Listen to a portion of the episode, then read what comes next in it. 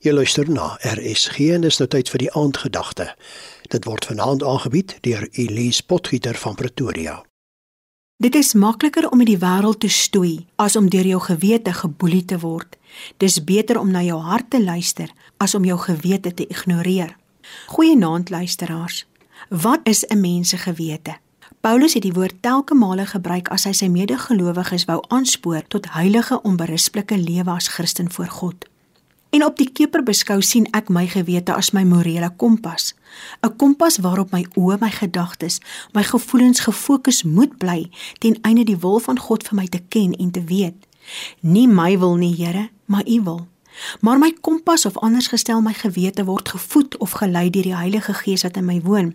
In Romeine verduidelik Paulus vir ons dat in ons verbondenheid met Christus word ons gewete deur die Heilige Gees gelei. So ons het 'n keuse.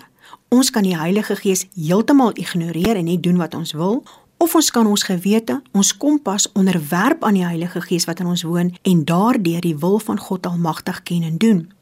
Paulus skryf aan Timoteus: Hou vas aan jou geloof en behou 'n goeie gewete, want sekere mense het hulle gewete onderdruk en daardeur het hulle geloofsgebreek gelei.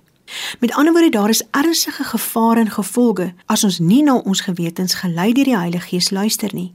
Paulus verduidelik die mens met 'n rein hart se gewete is rein, maar vir die ongelowiges is niks rein nie, want hulle gewete is besoedel.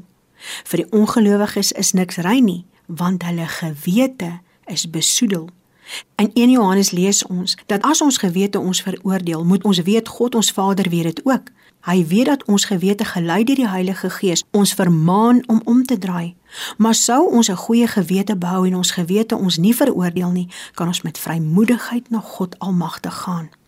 Paulus vermaan in Korintiërs, hy wat Paulus is, het praktyke vermy wat nie die lig kan verdra nie en waaroor hy hom sou moes skaam. Ons gaan nie met bedrog te werk nie, sê hy, en ons vervals nie die woord van God nie. Inteendeel, ons maak die waarheid openlik bekend en beveel onsself so aan by elkeen wat vir God 'n eerlike gewete het. Paulus het geweet dat die Heilige Gees van God in hom woon.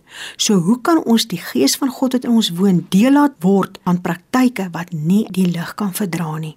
Daarom is ons gebed vanaand Vader in die naam van Jesus Christus bely ek dat u Gees die Heilige Gees in my woon. Help my om die praktyke van die duisternis te vermy. Amen. En dit was Elise Potgieter van Pretoria met vanaand se aandgedagte hier op RSG.